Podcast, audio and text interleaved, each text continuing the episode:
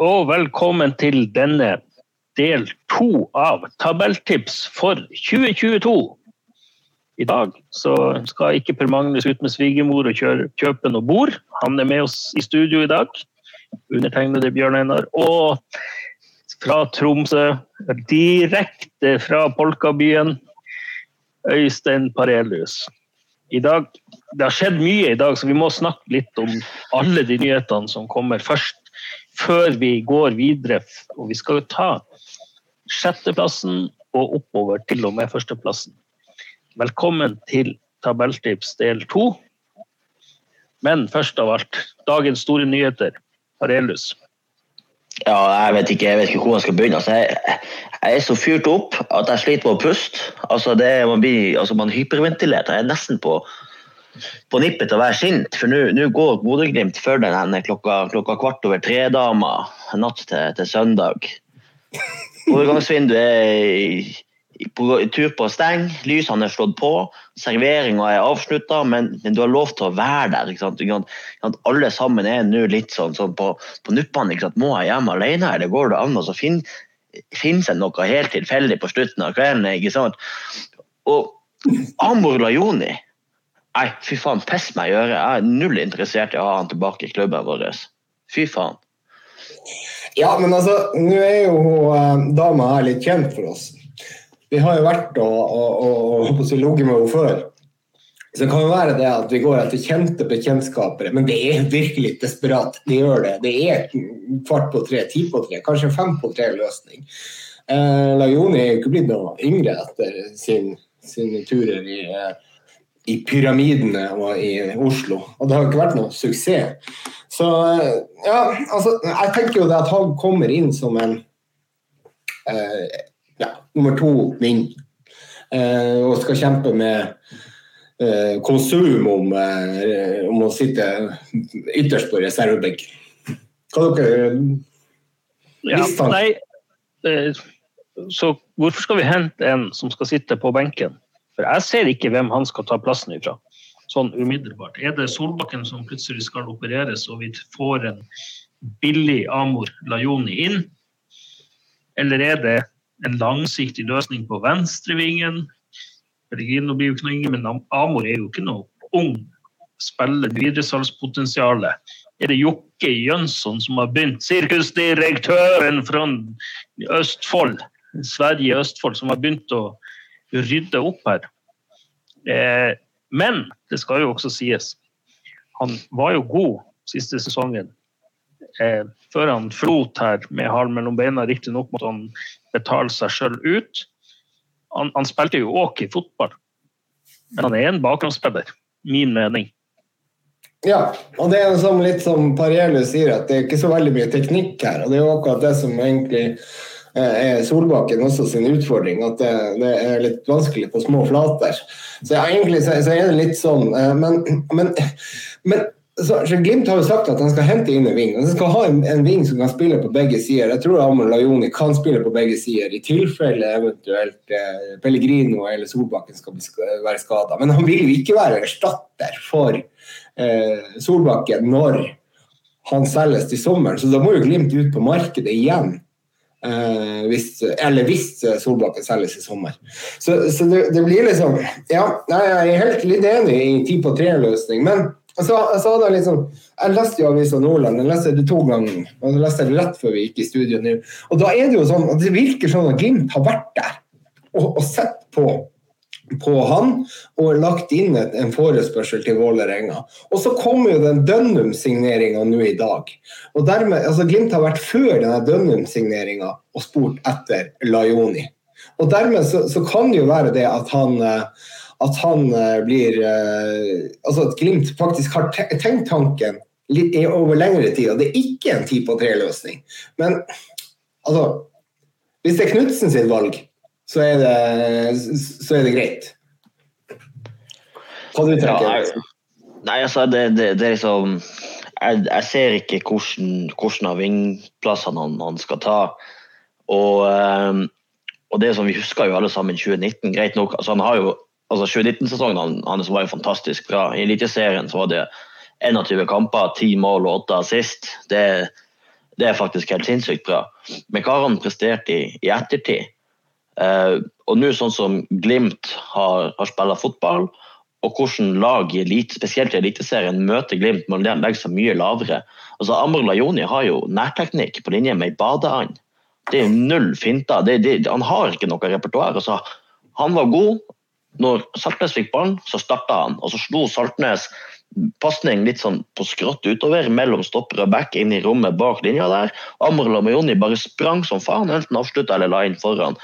Eh, altså, han vil ikke få de typer rommene i 2022 i Bodø-Glimt, bortsett fra når vi spiller Conference League. Og Det er ikke sikkert vi får det der heller. Se på Aset Alkmaar, hvordan de møter Glimt og, og virkelig kjører motspill à la Fagermo på Glimt. Altså, jeg, og også, også, måten han pisser på klubben når han signerer for Vålerenga. Det vel kanskje der det ligger. Ja, det, det er også det, det, altså, jeg, har, jeg, har, ikke lyst på han. Han kan, han kan bare ha Rolexen sin der nede i Oslo. Det, jeg er ikke interessert i at han skal spille i Glimt. Selvfølgelig jeg blir jo eid på han hvis, han hvis, han hvis han skal på banen, for jeg vil jo Glimt alt godt. Men akkurat nå så, så er jeg sånn Takk, men nei takk. Jeg er ikke interessert. Det går fint. Ja, nei, nei.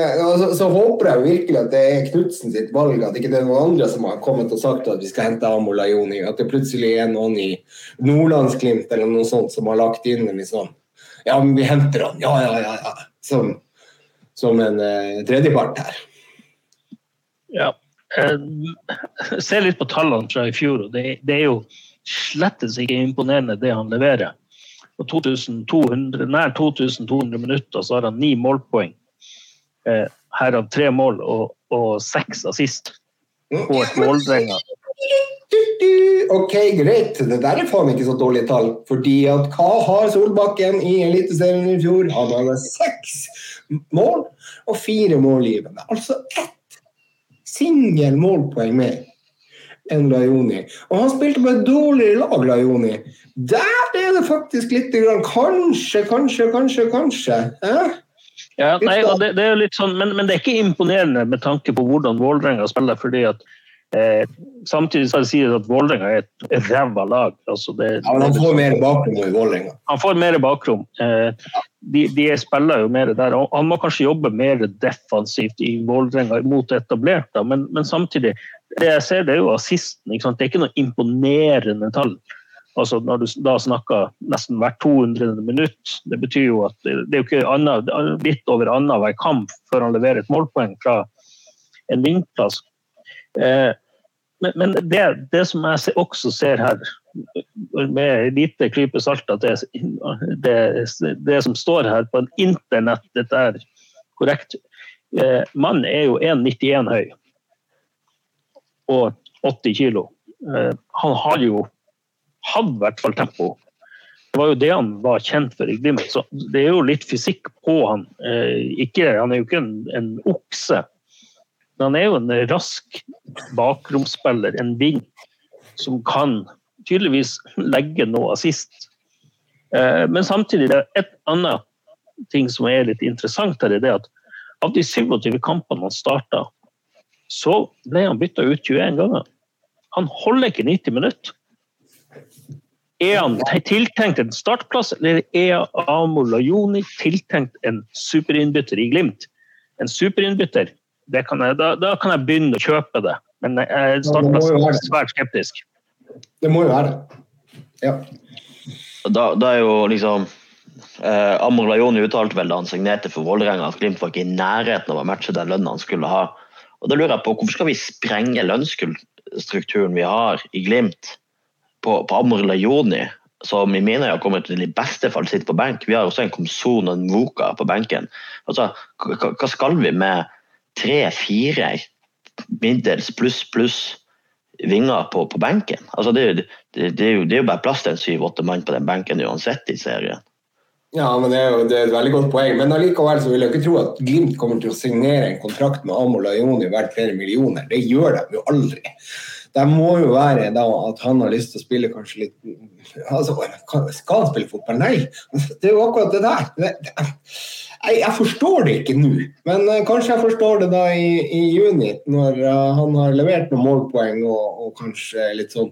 Så uh, jeg, jeg, tror egentlig at Nå gir jeg meg, for nå har jeg satt, satt og spekulert og vridd hodet mitt hvorfor vi skal gjøre det her. Jeg forstår det fortsatt ikke.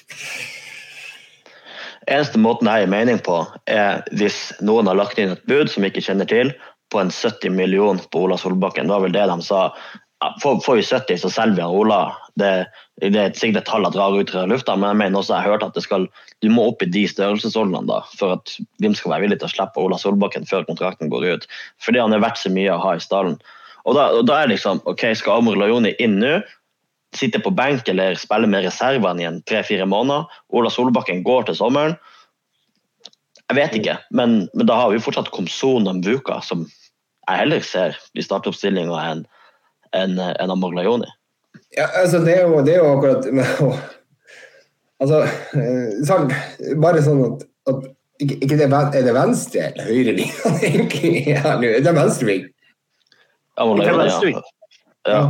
Og da er det han har jo ikke nærteknikk til å spille på høyre, for han, han kan jo kun gå rundt og legge inn. Det er ja, det, det, han gjør. Da, da, gir det jo ikke noe mening i forhold til at det må det jo budet der være på eh, hvis vi skulle f.eks. solgt Pellegrino. Men ja, der ser det jo ikke ut som at han har lyst til å dra. Så eh, eh, eh, Uansett så er det jo det at, at da, Jeg tror sommervinduet må kjøpe sine ving uansett, da. Eh, ja, og vi har jo Sondre Sørli også i den kabalen her. Ja. Nå vet jeg ikke om han skal trenes om til, til venstreback eller om han skal fortsette på høyrevingen. Det er jo en Sondre Sørli som hadde bra med målpoeng og spesielt mye assist i fjor før han ble skada. Så, så liksom, hvis, eh, hvis, Solbakken går da i sommer, så er det sånn Jeg tror ikke Sondre Sørli er noe verre på vingen enn Amor Lajoni er. Nei, absolutt ikke. Men altså, tida vil vise. Jeg tror ikke vi kommer noe mer i vei med å diskutere det frem og tilbake. Ingen av oss. Men, men allikevel så jeg hengte dem litt opp i det der at han eh, at Glimt hadde prøvd eh, i lengre tid og at Dønnum eventuelt er henta inn. ikke sant? Og der har svensken, svensken satt inn sitt eh, nådeskott og henta vi henta Dønnum! Jeg sprenger banken. Jeg skal vinne seriegull. Og, eh, og, da, eh, og da har de eh, henta han fordi at eventuelt Glimt er interessert i Laioni. Og det sto jo faktisk i artikkelen at han var interessert i å komme til Glimt. Og så er det jo det, det der avisartikkelen, hva var VG som skrev at Hvis jeg klarer å huske den overskrifta, var vel det Glimt tilba til bydde var en eh, fornærmelse eller noe sånt. Var ikke det det? Eh, det var noe sånt. Ja. Det var noe sånt. Da kan jo, eh, jeg, tror, jeg tror ikke Glimt kommer til å sprenge noen bank heller. Så det må kanskje fornærmelsen bli litt mindre når man blir litt eldre. Ja, vi kan jo bare si det sånn at det er lite Louis Vuitton og Rolex og Patek Philippe på guttene i Glimt. Så jeg tror lønnsnivået til, til Glimt er og skal være litt under det som som Vålerenga byr på. Det er i hvert fall de beste spillerne, men det, det, vi vet, er jo det at lønnstaket i Glimt er én mil. Det er, det er, der det ligger. Og uh, da, er det, jo, da er det jo det. Men når det gjelder overganger, så kan vi hoppe litt til en annen posisjon som jeg vet at Glimt er og leter etter, og det er venstre back. Ikke sant? Det vet vi. Og der har, har det blitt sagt at hvis han ikke kommer i dag eller i morgen, så blir det et kjøp i sommer. Og er vi stressa hvis vi ikke klarer å få det til i dag eller i morgen?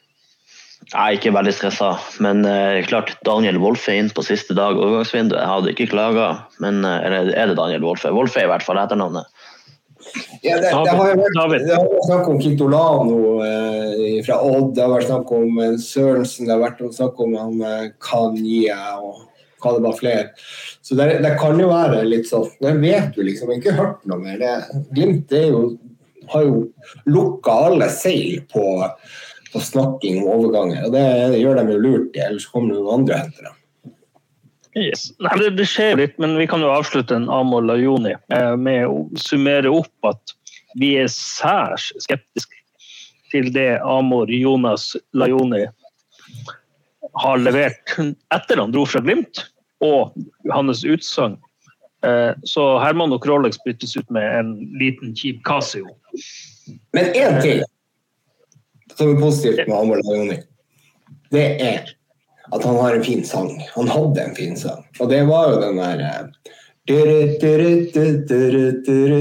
Amor, Amor Lionel, legg opp til mål igjen. Den, den, er fin. Og dere vil ikke ha synging, nei? nei jeg ser Øystein rister på.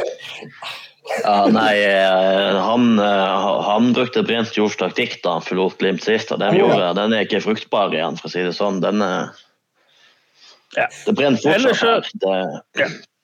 Ellers så skjer det jo litt rundt omkring i det ganske land. Eh, nå virker det som det brenner under føttene til Rekdal. Han skal hente Ken Remi Stefan Strandberg. En god gammel kjenning. De satsa ungt på 31 år. Nå skal vi få se her, de her trønderne. Nå var det plutselig ikke så talentfullt det de, det de gjør. Eh, ellers litt nytt om Rosenborg. Det kan jo være at vi får se en Ken Remi der i Midtforsvaret på søndag allerede. Det virker som han har lyst til en retur til Trondheim. Eh, Noah Holm gikk ut med skade for U21-landslaget. Eh, svært tvilsom ser det virka det som, ut ifra det som sto her i avisene i dag, til søndagen. Og da har de vel ikke så mange spisser. Da har de en Ole Sæter som de Han vil være der, men de vil bli kvitt han, virker det som. Tromsø er på jakt, eh, og det er jo Litt morsomt, Tromsø skal ha en spiss. Ikke har de penger, og ingen vil dit. Naturlig nok. Så eh, oppfordring til Tromsø. Vi har en mann her som har lyst til å prøve å spille, Øystein Parelius. Kommer gjerne, er jo en liten tur. Eh, så det skjer litt. Men det er ufattelig deilig at nå er det faktisk bare fire dager igjen til seriestart. Eller for oss fem dager. Vi gleder oss enormt. Ja, men jeg har lyst til å ta opp en ting som rotsekk. Eh, altså Kent han er jo en uh, Kent Aune i rotsekk. Der har du fyr, vet du. Han kommer liksom og så sier han et eller annet kontroversielt, og så avbryter han seg sjøl med å komme på noe annet. Sånn at vi har glemt å komme med reply. Og da var det mye greier som han kom med, som han klarte å få ut av den her ja, munnen sin uh, i den sampodkasten vi hadde. Og jeg hadde jo så mye flashbacks, men jeg husker ikke alt. Uh, eller jeg hadde så mye tilbakekomst. Jeg kunne kommet så, med så mye mer. Men allikevel, han sier at, han sier at Markus Henriksen skal havne på landslaget i løpet av høsten, og nå er han på jakt etter eh, Remi der. Hva, hva, det, det, det, rimer jo ikke. Han er argentineren, var, han ikke verdens beste stopper? Hva, hva, hva som skjer her? Uh, jeg vil jo tro at han der uh, godeste Henriksen ikke er i nærheten av noe som helst i det midtforsvaret til Rosenborg. Nei, altså, Rosenborg har jo solgt sin beste midtstopper i Serbesic. Uh, Markus Henriksen, det, det, det, er ti år siden han var var god og gjorde noe fornuftig i det hele tatt på fotballbane. Det var ikke som stopper. Og det lille jeg har sett av han som stopper, det er ikke i nærheten av landslagsnivå. Og, og De også snakke om at Markus Henriksen kunne erstatta Brede Mo i Glimt stopp, eh, sin stopperduo. Altså det er sånn, hallo, Brede Mo er Eliteseriens beste midtstopper. Ferdig snakka. Og det er sikkert ti stoppere som er bedre enn Markus Henriksen. Det ja. ja. ja. Jeg prøvde liksom å se litt på, på, eh, på sosiale medier her, og de samme, det, det, er samme tilbakemeldinger rundt omkring Amor Lajoni. Eh, bare som å avslutte det. Så det er ikke så veldig mange som er positive der heller. Nei. Yes, da, da tenker jeg, vi, jeg tenker vi hopper til tabelltips. Og vi kommer til sjetteplassen. Øystein, hvem har vi der? På sjetteplassen så har vi eh, Kristiansunds ballklubb. Kristiansund, KBK. KBK. Det, det, er ikke så mye spennende inn og ut der, men det, det er solid. Og de var jo helt oppe og lukta på medalje. og Helt, helt til Christian Michelsen sa ja, nå går vi for det. De ble resultatfokusert. Eh, I stedet for å fortsette å, å tenke prestasjon, utvikling. Eh, mye, mye motspill også, tenkte de da i KBK. Men eh, men, men, det er et solid lag som, som, eh, vi tror kommer til å ligge helt der oppe, og med, med litt tur. Eh, hvis eh, Mava plutselig finner på å bli brennhet, så, så kan det bli mye gøy på, på dem i sesongen som kommer. jeg tror han, han var brennhet allerede i fjor høst. Det var jo kanonsignering, egentlig. Mikkelsen er jo litt sånn at han klarer å få gull av Gråstein, han òg. Så der er, det er noe solid over dem. Og Mikkelsen har jo også gått ut og sagt at eller, Michelsen eller Mikkelsen? Hva, hva, skal vi si? Michelsen? Mikkelsen. Michel, Michelsen. Nei, men uh, han har gått ut og sagt at han skal slå Glimt i år. Jeg vet ikke om han sa at han skulle slå dem i enkeltkamp, eller oss i enkeltkamp, eller om han skulle slå oss på tabellen. Det var liksom usikkert. Jeg tror de hadde lyst til å komme lenger enn oss i cupen. Vi så hvordan det gikk. Ja. Men, men cupen 2022 har ennå ikke starta, så de har jo fortsatt mulighet. Men før, du, du kan dere ta og kose dere litt, og så lese dere litt opp på stallen. Så kan jeg ta de treningskampresultatene til eh, KBK. Ikke at det har betydd noe tidligere, for i fjor så skåra de null mål i treningskampene og gjorde det relativt bra i serien. Så eh, vi kan kanskje ikke henge oss veldig mye opp i det, men vi kan ta dem likevel. Der er Mjelby, eh, og der er det 1-1. Stabæk har de tapt 0-2. Eh, så vant de 3-2 over Rosenborg. Eh, og så har de eh, tapt 4-1 for Viking. Og så har de spilt mot Honka Honka, Honka Honka Burning Love der, fra Finland, og vunnet 2-1. Og så er det jo da Rosenborg igjen, og der har Rosenborg vunnet 3-2. Men det var det vel sånn at Rosenborg putta inn noen spillere fra RBK for å gjøre KBK dårligere. Så så dermed så ble det sånn. Og så er det tre uavgjortkamper. Én uavgjortkamp mot Haugesund, og så én uavgjort kamp mot Tromsø, altså 0-0. Um, uh, så, så, det er det de har, eh, som jeg klarer å se på KBK sine hjemmesider, at de har gjort i vinter. Ikke så kan liksom si at et ganske solid tap mot uh, Viking uh, er vel noe som skiller seg ut, og så er det jevne kamper. Så slått Rosenborg, da. Men det har jo alle, alle andre også gjort.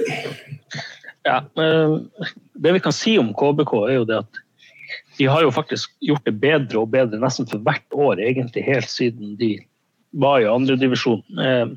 I fjor endte de jo på en sjetteplass. Eh, det er et solid lag.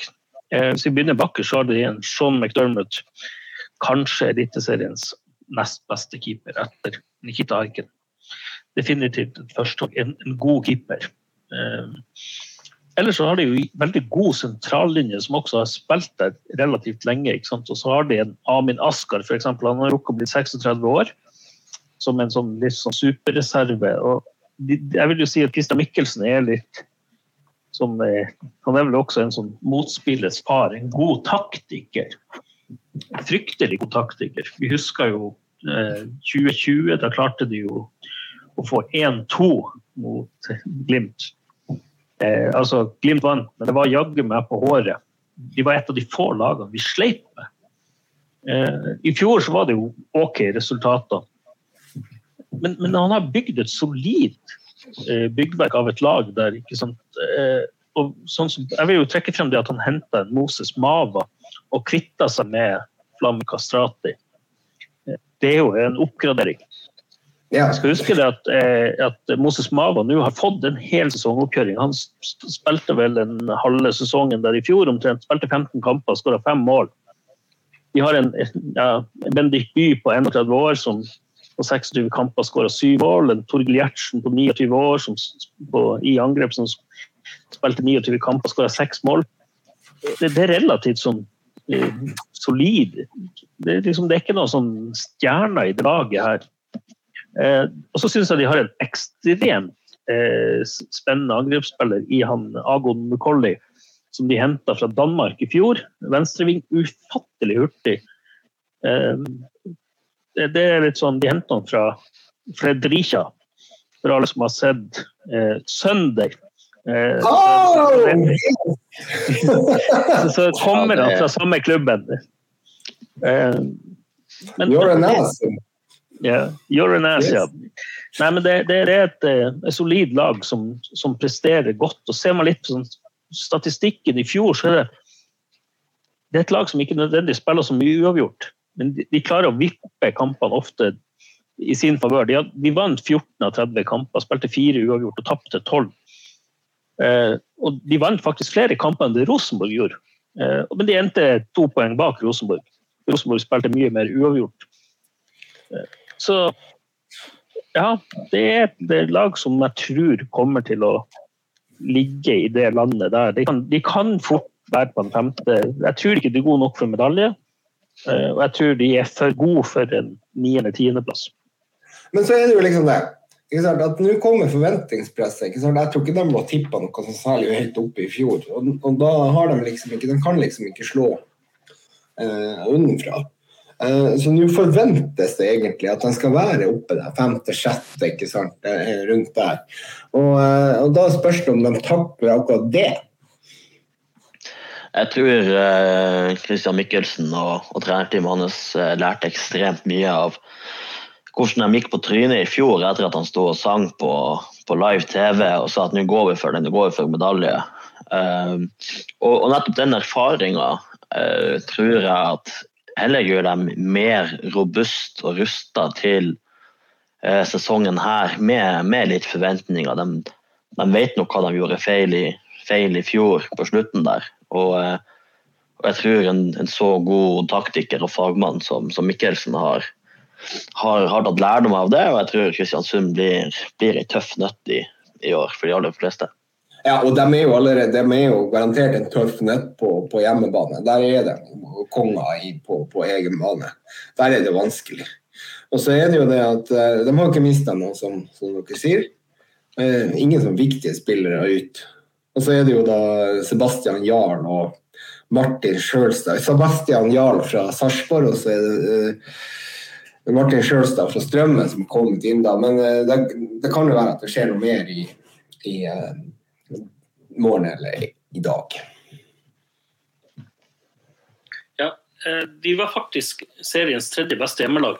Kun slått av Molde, som var best, og Glimt på andreplass. Så det er De er sterke på hjemmebane. Eh, liten, intim, forblåst stadion. Men eh, de spiller bra, bra, fotball hjemme, altså. Men borte går det litt råere. Borte der er det Eh, der var de faktisk det tiende dårligste, tiende beste laget. Da. Så de, er jo, de jo bare, hadde jo bare seks, fem lag bak seg. Så de tok ikke mye poeng på bortebane. Vant fire kamper og spilte to, to uavgjort og tapte ni. Og hadde en fryktelig målforskjell med minus 16. Så Kristiansund i Kristiansund er en vrien oppgave for de fleste lag. Men var ikke det der eh, De hadde jo et braktap. Var det Mjøndalen de tapte så det sang for? Det er det som utgjør dem den minus 07 eller 05. Det berga jo Det holdt jo på å berge Mjøndalen. Nei, det, det gjorde de selvfølgelig ikke. Så Men, men jeg skulle bare 5-0. 5-0, ja. Men uh, da har vi sittet Mjøndalen på uh, Nei, Mjøndalen. Kristiansund ballklubb på sjetteplass. Var vi enige om det? Yes. Den er vi. Er jeg, kan, jeg, kan si, jeg sa det litt i sted, men jeg var der i går. Jeg var i Kristiansund i går. Det var en fin by, det òg. Veldig fint. Det var sånn fjordbåter som kjører frem og tilbake. igjen. Det var jo blikkstille, kjempefint vær og alt. Ja. Anbefales. Det skal, de skal dra seg glimt av. Yes. yes. Nei, men da er vi kommet frem til femteplassen, og nå begynner vi å nærme oss Rosenborg. Er det hva? Uh, ja Men kanskje ikke helt ennå. Uh, det er jo det er litt Altså, Helland og Åsen spiller der, men det er ikke Rosenborg, selv om Rosenborg kanskje hadde hatt godt av dem i, i stallen. Vi skal ja, til uh, Lillestrøm, det lille togstoppet mellom Oslo og Gardermoen. Jeg skulle hatt, jeg skulle hatt Rosenborg. Men Rosenborg de er jo da åpenbart litt lenger fremme enn eh, Lillestrøm. Da. Så, så, men de hadde jo da en fjerdeplass i fjor, og dere har regna dere frem til at de skal gå én plass ned. Er det nok, det, da? Mens når man har mista Helene Olsen Ja, jeg, jeg, jeg tror det. Um, jeg synes Frid Jonsson ser ut som en, som en bra spiss. og, og de har jo sikra seg Gjermund Aasen permanent der nede. og han, ut fra den kampen vi så på Aspmyra mot Lillestrøm, så blir han å ha mye assist i år også. Han hadde vel flest assist i Eliteserien i fjor. Og, og, det, og, den komboen der, det, det, tror jeg blir Det tror jeg kan bli, bli fugl for, for fugler. Jeg tror det kan bli bra. Jeg vil trekke frem egentlig, Hvis jeg skal trekke frem noe hos Lillestrøm, så er det det defensive eh, og treneren. Jeg tror de har Norges nest beste trener.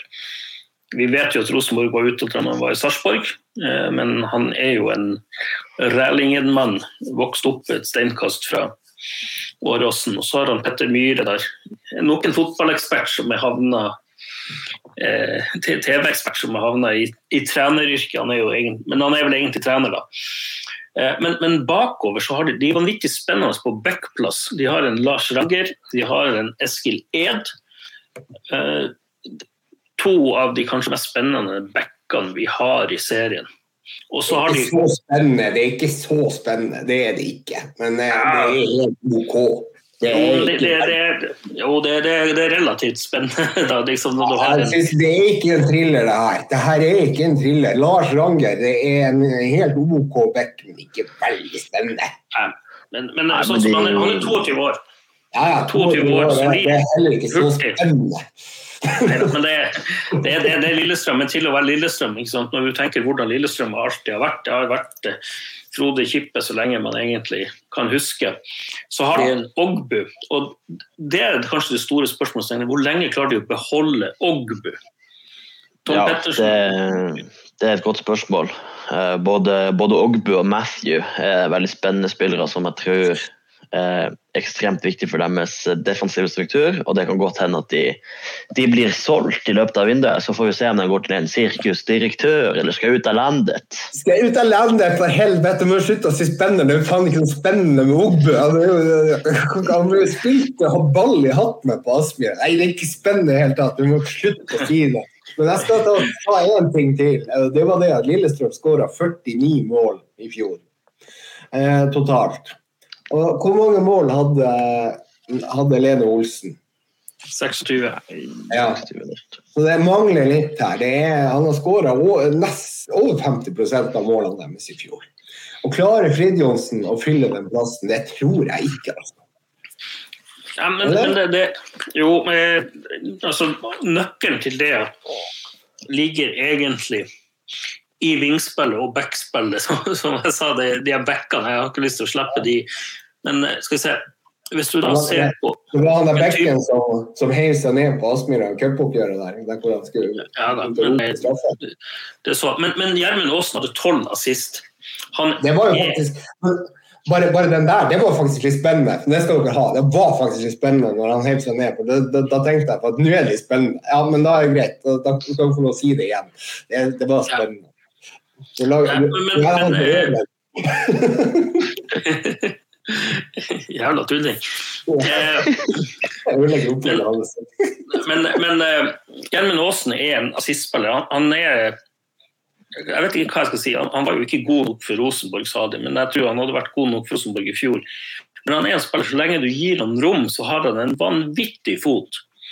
Eh, og da når du setter holdt på å si, to, med to ti islending foran mål, så, så, blir det her farlig. Han hadde tolv assist på et Lillestrøm som skåra 46 mål. 48, 49. 49. Og 12 assist på det. ikke sant? Det, det er solide tall. Gjermund Aasen er Ja, ikke sant? Han, han, er jo ikke en sirkusspiller som, som passer inn i sirkus på Merano nede på Valle der, men han, han øh, gjør jobben grundig og virker godt trent. Så virker han som at han han skal prestere noe etter den, at man ble avskilt av Åge Hareide. Så har det gitt ham motivasjon. Det samme med Helland. Han, han er jo kanskje bedre fotballekspert enn en fotballspiller. Så det kan jo hende at han ender opp som trener eh, etter hvert, han òg, eller sportsdirektør. Men, men eh, de har noe å bevise. Det, det, man skal ikke undervurdere den motivasjonsfaktoren det er å ha noe å bevise. Det så man jo i de to kampene mot Rosenborg i fjor. De tok seks poeng med Rosenborg i fjor. Ja, men det er jo også det at, at det var jo meldt uh, av landets riksaviser at, uh, at han Pål André var i god form. Veldig god form. Men hvorfor spilte han ikke? Er han skada igjen nå? Uh, hvorfor spilte han ikke basketball? Nei, han hadde jo stått ja, vært i studio. har sittet overtid på studio. Ja, det var 120 minutter. Han hadde tålte ikke 120 minutter med å se på fotball, så der jeg en liten historie fra, fra, som jeg har fått viderefortalt fra Alkmaar. Det var en Lillestrøm-supporter som, eh, som hadde sneket seg inn på eh, tribunen sammen med Glimt-supportere i Alkmaar og så Aset mot Bodø-Glimt. Han sto der med, med Lillestrøm-drakt og Lillestrøm-skjerf og jeg mente at Lillestrøm skulle ta seriegull i år. Så, men han måtte jo da til Alkmaar og se Glimt for å se ordentlig fotball. Så det, det, det, det settes jo pris på. Mm. Men et annet viktig aspekt er jo det at hvis så fremst ikke Godset vinner cupen, så skal Lillestrøm spille Europa. Ja. Og det er noe som gjør det at vi kan få fryktelig tøft med tanke på den plasseringa vi har plassert det. Det kan slå negativt ut. For jeg mener per dags dato, hvis de skal klare å kvalifisere seg, så har de ikke stall til å drive og sjonglere her. Nei. Da er spørsmålet har de for å stå i det som Glimt. For vi, vi sjonglerte jo heller ikke så mye i fjor høst. Ja, de, de, har litt eldre, litt eldre spillere på enkeltposisjoner, men så har de, de som sagt noen spennende unggutter. og det, det, er vel kanskje det, det Geir Bakke eh, prøver på. Men, men samtidig de har bygd helt nytt. Lillestrøm hadde en opprydning når Geir Bakke kommer inn, og det han har fått til der, Eh, havna riktignok bak Tromsø i Obos der etter en fryktelig start i, i 2020. Rykka opp og rett på en fjerdeplass eh, med mye unggutter og litt sånn avskilta spillere. Det, det, det, står respekt av det. Og jeg står inne for det at Geir Bakke er en, en fryktelig god trener. Han burde egentlig ha stått på veldig korte lista til Ivar Kolte. Han er ikke spennende, altså. Nei, han er en veld, veldig god. Veldig god. Ja, veldig god. Ja, okay, greit. Sett det på lista til han Kent der. Veldig. veldig god. det, det ble på en veldig kort liste til Kent, at vi kan si. den, den lista er ikke veldig kort. ja, men da, da er vi ferdig med Lillestrøm. Vi har, ja, vi har cupen, kan godt gjøre det en gang til. Men eh, vi satser på at, at de får spille Europacup. Da skal vi ta cupgullet, så da tar vi det fra Strømsgodset. Det hadde vært fint med Strømsgodset i finalen hvis vi klarer det. ja, da må Lillestrøm-fansen heie på oss. Ja, det er jo helt da, legendarisk. Det, det er jo legendarisk. Da kommer han som var i Alkmaar, på nytt igjen. ja. Da så. Yes. Da begynner vi å nærme oss den eh, sureste plassen, kanskje. Eh, noen, noen feirer ja, det er sånn når du, ikke, når du står på sida av pallen, den, den, er kjip. I hvert fall hvis du driver individuell idrett, men nå er det dette lagidrett. Men det er sånn eh, fjerdeplassen, da, da taper du bronsen. Er ikke det? Og der har vi plassert Et vel, veldig dårlig fotballag. Nei da, det er Rosenborg. Nei, men nei, det heter ikke det. Det heter ikke det, det heter Rosenkam. Rosenkam. Ja. Rosenkam. Hva skal jeg si om Rosenborg? Ham... Det er ikke noe å si der. Vi videre. Hvem som er på tredjeplass? Nei, men altså, det, det, jeg kan si fra det lille jeg har sett av, av Rosenborg nå, er at de, de er verken solid defensivt, og det, det, er ikke noe samspilt offensivt heller. De blir stående mye og dytte ball fra wingback via stopper til motsatt wingback, og så er det ingen som truer noe mellomrom sentralt i banen. Og så blir det til at en av wingbackene slår et, et innlegg fra dypet. Og så vinner Noah Holm eller taper Noah Holm eh, den duellen, og så skjer det noe etter det. Og Det, det er stort sett det jeg har sett av Rosenborg i år. Og eh, skal ikke gi noe tips til Kjetil Rekdal, men enten så må de smale på, på midten rundt av Noah, eller på topp rundt Noah, falle litt ned og involvere seg, eller så må de, de sentrale på midten gjøre noe oppi mellomrommet der. Nei, det, det, er liksom de, de, Det virker som at eh, eh, Nå har de funnet ut at Glimt har suksess med noe, så da skal de gjøre noe annerledes. Men eh, vi skal jo sette pris på det. Eh, Det er vel 4-3-3 som er medisinen ifølge Knutsen mot å spille så dårlig som det Rosenborg har gjort. Det var han også i går på TV 2. så at Han ville ha brukt 4-3-3. Jeg syns han gnir det pent inn. Han kommer jo her med saltbøssa i det åpne såret, og så har han kniven for å gjøre det litt større, og så strør han det i. Det er deilig. Ja, men altså, Hvis du ser på laget, der har jo egentlig guttene i rotsekk et poeng. Altså, hvis du ser på det laget spiller for spiller i forhold til ja, hva de har prestert før, og sånne ting, så er det jo klart at der er et veldig godt fotballag. Eh, hvis du klarer å stable det Nei, sammen. Arrester Det, det er ikke et veldig godt fotballag. Det er mange gode fotballspillere. Ja, ja, ja, ja, riktig. Veldig bra. Takk for den. For det var litt viktig her. Det er mange gode fotballspillere på én plass og så kan de ikke spille fotball sammen. Det er jo det som er utfordringa her. Og eh, Det virker jo sånn at det er helt fett umulig å få det til i Trondheim. Så, så eh, at dere har satt dem på fjerdeplass, det skal ikke stå på min regning. Eh, men det kan være at de kommer seg utover høsten. Men sagt, Altså, du, har, du, trekker frem eh, Markus Henriksen i forsvar, som vi snakka litt om sted. Liksom, det skal liksom være stjernespiller. Du har Per Siljan Skjelbred, som skal være stjernespiller på midtbanen. Eh, du har eh, fremme så er det Noah Holm. Eh, som, gjør, som, gjorde det OK nå i U21, men det har jo ikke vært noe sånn tjo og hei og hopp der heller. Og i tillegg så har de måttet stoppe det der. Ja. Noah Holm spilte noen gode kamper, men Dino Islamovic hadde et bedre målsnitt enn Noah Holm per minutt. Noah Holm er ikke noe spesielt god goalgetter. Han er en solid fysisk spiller, en talentfull spiller. Det er heva over enhver tvil. Men Dino Islamovic var faktisk mye farligere enn det Noah Holm var.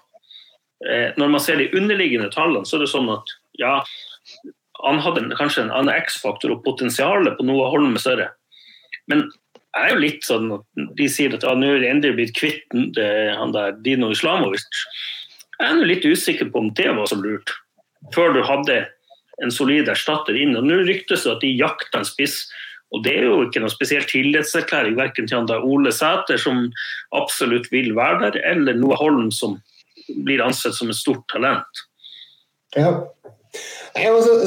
men, men det, her har vi litt. Nå er jeg litt, kanskje litt mer opptatt av de treningsresultatene. Det er jo ikke sikkert at det at, De sier at de har lurt eh, Altså at de har lurt litt der. Men herregud, hør nå på det her. ikke sant? Det er Djurgården taper 1-2. Og så kan vi ta Byåsen. Der er det jo solid, solid opptur. 7-2 mot Byåsen. Hva, hvordan spiller en i tredje divisjon. Men så taper de 3-0 mot Ranheim. De spiller uavgjort mot Haugesund. Og så taper de 3-2 mot uh, Kristiansund. Og så taper de 0-3 mot Ranheim. Og så taper de uh, var det 1-2 mot Tromsø. Så, så, det er jo uh, Altså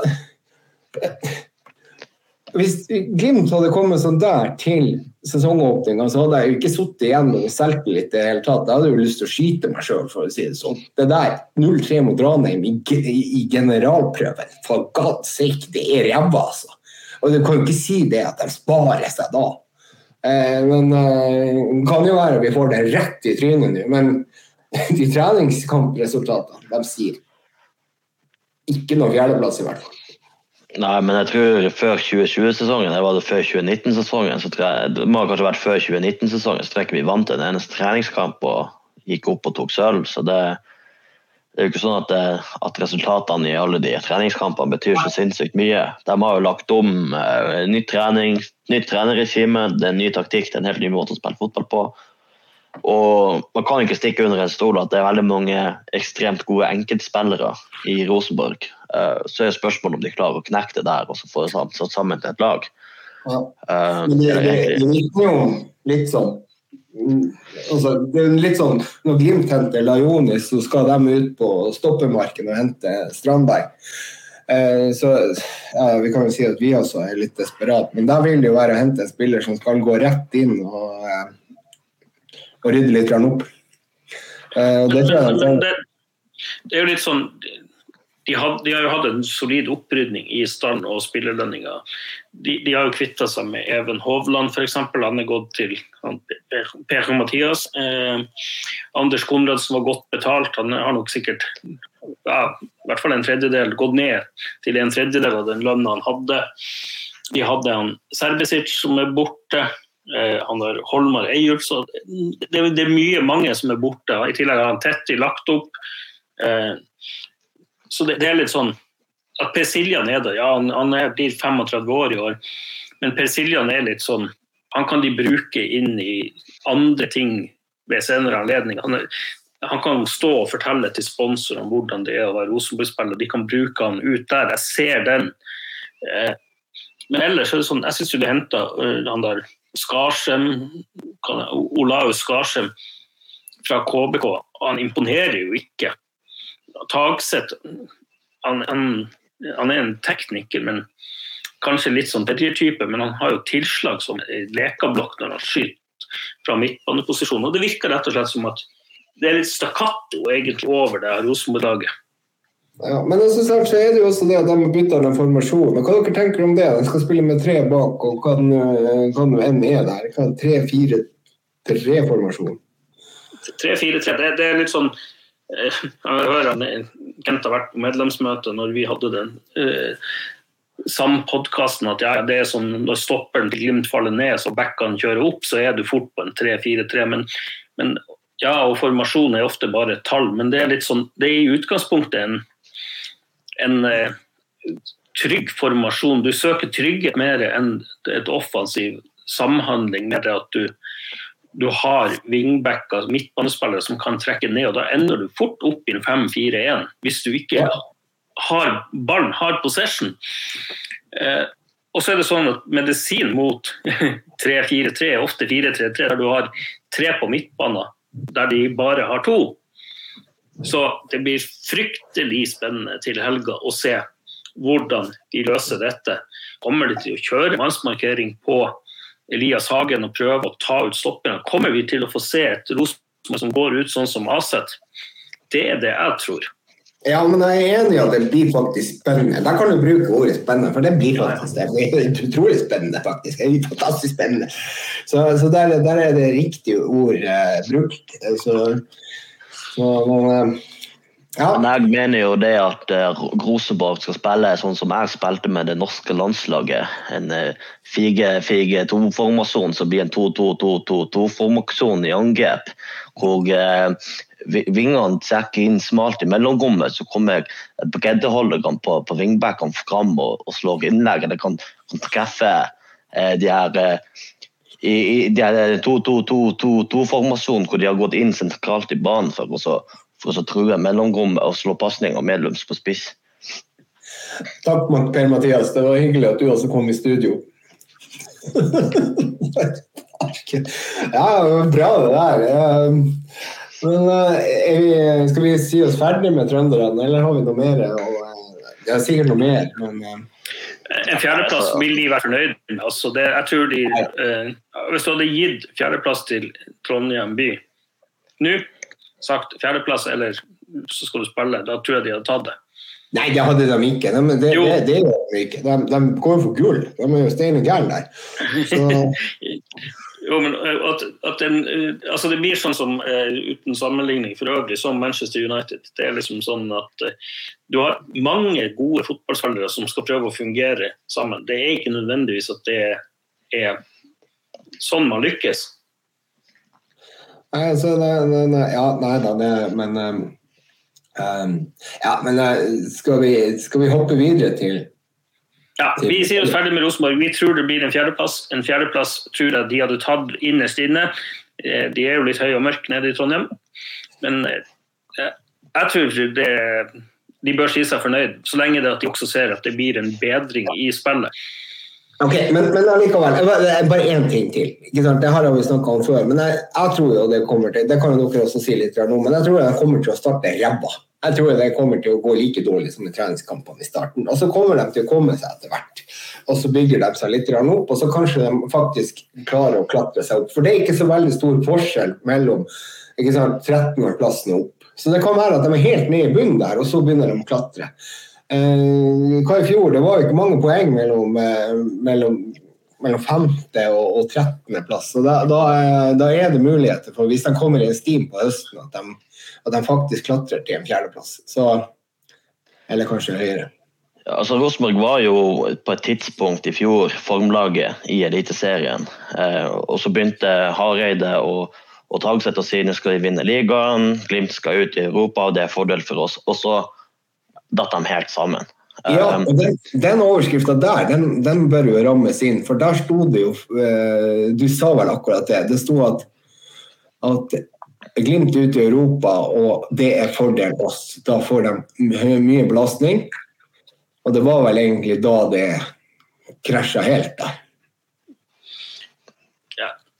Uh, men, men, så er det sånn at uh, man skal ikke ta fra Hareide det at han har en, en vanvittig merittliste, men han, jeg tror han trodde at det var å komme til hjem til Norge og det liksom bare får skikk på Rosenborg, så skulle han gå av med pensjon med flagget til topps. Han hadde glemt at det, det er noen som har outsmarta han, nemlig en Kjetil Knutsen.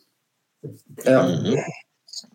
Yes. Nei, men skal vi bevege oss videre? Nei, men, ja, vi må, vi må, over dit, men, men, her har jeg en jævla innmelding. For, ok, Greit, dere kan si hva dere, si, hva, hva, hva dere mener på tredjeplassen, så, så, skal jeg komme med noe annet.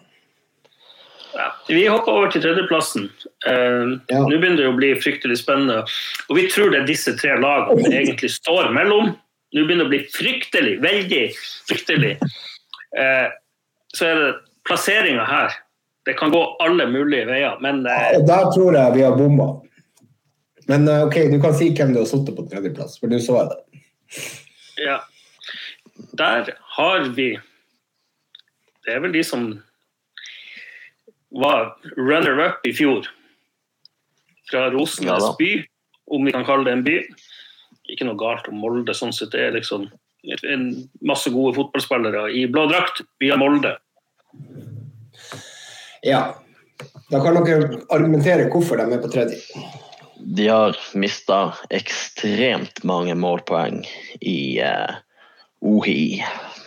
De har mista en veldig god back i Andreas eh, Linde. Keeper, mener du? Ja, keeper. Herregud. Det er Linnes som er back, selvfølgelig. Men uh, ja, nei, altså det altså I tillegg så var det vel noen noe midtbanespillere, Aursnes osv., som forsvant i fjor, var det ikke det? Jeg skulle se gjennom stallen her før jeg, før jeg, begynte å diskutere Molde. Men uh, det, det, er liksom uh, Nei, altså, jeg syns ikke det Jeg bare har ikke helt trua på det, det de holder på med. Det, det Ja, men altså, sagt, nå har det jo vært de, de starta egentlig treningskampsesongen ganske bra. Er, men nå henger jeg litt, kanskje litt for mye opp i det. Og Der var det en del overbevisende og så har de hatt de to cupkampene de har spilt, har ikke vært veldig bra. ikke sant? Nå spilte de egentlig OK mot Sarpsborg, hvor Karlstrøm eh, gjorde det, to tabber der hvor han slapp eh, Sarpsborg inn i kampen. Så det kan være et svakt ledd med Karlstrøm og keeper. Uh, og så er det jo det at, uh, at de har tapt nå 2-4 for Ålesund. Det syns jeg jo egentlig var en kjempeopptur. Så ja, ok, greit, kanskje jeg er med på dere her. Men de har jo en ekstremt stor stall. De har dobbelt dekning på alle plasser. Det har liksom ikke så veldig stor betydning om den ene spiller eller den andre. Uh, men de får litt sånn utfordringer i forhold til relasjoner og sånne ting. Men de, ja og så er det jo det at de har De har jo han Fofana, og han ryktes å være mer klar for å spille eliteserie i år enn hva han var i fjor. Der har du et teknisk monster uten like. Stikke for en god fotballspiller han er. Og der har du et eh, Altså, han kan skåre mål fra alle vinkler. Uh, det ryktes at han ikke er helt inn i spillestil, men han vil jo da eventuelt være erstatninga til Ohi til de eventuelt henter en spiss i kveld eller i morgen. Uh, Nå spiller vi det her inn på er det onsdag i dag? Hva det er? det er onsdag i dag. Men det, det, er jo en grunn til at uh, ryktene om, eh, om Berisha til Volda har versert. Det er jo fordi at de ikke nødvendigvis er, er helt 100% på, på Fofana. Altså, hadde de vært klink på at Fofana er han som skal vinne gullet for oss, så har ikke de vært så interessert i han Berisha som ryktene har vært. Nei, ikke, ja, men altså, likevel så er det jo det at det har jo blitt mindre og mindre rykter om Berisha til Molde etter at treningskampene har gått. Så han har bevisst noe. Men det er jeg litt sånn usikker på. Jeg vet ikke hvem de har i backet på Fofana. da. Ja, Det er han Bjørn Bergman Sigurdarsson. Ja. Og så har du jeg vet ikke om Voly også kan spille midtspiss, men eh, Rafik Seknini og Erling Knutson er jo ikke noe target-menn, akkurat. Eh, nei, nei, men de er jo vinger, de her to. Men Voly og han Bjørn Bergman. Bergman. Han er jo, men der er jo good old, grand old man, han er jo litt for gammel. Jeg vet ikke, Mathias Mostrøm han har vel lagt opp? Han, han har lagt opp omsider. Men, ja, men, men, men, men, det er sånn også eh, Seknini altså, var jo et kjempetalent i Odd, spilte to gode kamper mot Dortmund, og så gikk han utenlands. Men eh, det, det, har ikke vært så mye fotball på han i Fiorentina. og Jeg syns ikke han var så veldig god i, i fjor høst heller. Så liksom, hva, hva er det som tilsier at han har tatt så store steg at han skal bli en eh, nøkkelspiller i Eliteserien i år? Ja, ikke sant. Det, men det, så er det jo det også, de har jo Sivert Mannsberg. Jeg så jo at han ikke var tatt ut på U21-landslaget. Det er jo litt rart, egentlig. ja, men jeg syns ikke han var så god i fjor. Det, der tror jeg de har betalt 20 millioner for mye for han nesten. Ja, og så men, men, men et, et, hvis vi starter liksom der, så er det sånn at vi starter bakerst, så er det sånn at Karlstrøm er det, det, det er, eh, holdt på å si Da har du kjøpt keeper på Wish for å ta den sammenligninga. Da har du bestilt en, en, superkeeper på Wish. Altså, når du keeper til Tromsø, de, de, de, kjøper en helt annen keeper enn Linde. Linde var en fryktelig god keeper. Karlstrøm er en som Han skal visstnok være kjempegod med beina. Eh, jeg syns jo det at han virker mer utrygg enn det Linde har gjort. I hvert fall det ja, han, han, han, Nesten så lever opp til han Bjappe Flem der i ja. så, så, så, det er litt sånn Keeperplassen der har de svekka seg. Så er forsvars eh, Hvis du ser på stopperplass der, så er det sånn at de har ja, de signerte ny kontrakt med Martin Bjørnbakk. Han er nå vel 30 år i år. Eh, jeg mener jo det at han, han, hadde ikke spilt seg inn på Glimt i, sånn som Glimt spiller nå. Han, har ikke spilt mye fotball. Jeg tror Glimt ble mye bedre av Martin Bjørnbakk gikk. Jeg tror det var en lykke for begge parter. egentlig. Han fikk nå et seriegull og to andreplasser der. Eh, men så har det Sheriff Sinjad, som er en god stopper. Han er også en litt så lik type som eh, Bjørnbakk. De er gode å forsvare egen boks, men de er ikke noen spennende stoppere her. Men, men, de har liksom et ok forsvar. De har gode backer eh, i Linnes de henta jo han i fjor. Han er, blir vel 31 år i år. Eh, solid, egentlig. Men samtidig, de mista Norges beste høyreback i fjor. De solgte Norges beste høyreback i Holmgren Pedersen. Finnmarkingen Holmgren Pedersen der. Ja, han er ikke fra Vadsø, vi kan ikke snakke om ham. Nei, ja. han er fra Hammer, Hammerfest. Eh, ja. Så, så, det er sånn, også, Ja, de har god dekning, men samtidig, de har, Erling Moe har alltid rullert. Han har også vært litt tvunget til det. Et vesentlig poeng der er at Magnus Wolff Eikrem de to siste sesongene har han slitt mye med skader og spilt ca. 1600 minutter. Han har spilt 60% av Eliteserien. Så er det hvor mye vil Molde legge i det å prøve å komme seg til Europa, for det betyr ganske mye penger. De har stand til det. Men da må du plutselig begynne kanskje å rullere, fordi jeg tror ikke det laget, de spillerne her, er like godt trent som det Bodø-Glimt var i fjor. Og Bodø-Glimt sannsynligvis er. Men vanvittig mye talent i den stallen. Men de savner ja, en spiss. Men de har, på vingen så har de Erling Knutson, de har eh, Ola Brynildsen. Ola Brynildsen tror jeg er fort kan selges til utlandet, om det blir i løpet av sommeren eller etter sesongen. Han er, han er et godt, godt, talent. Han er en god ving. Teknisk slepen spiller. Men, ja, men, så har du Auland Andersen i, i bakhånd der, ikke sant, på, på plassen der.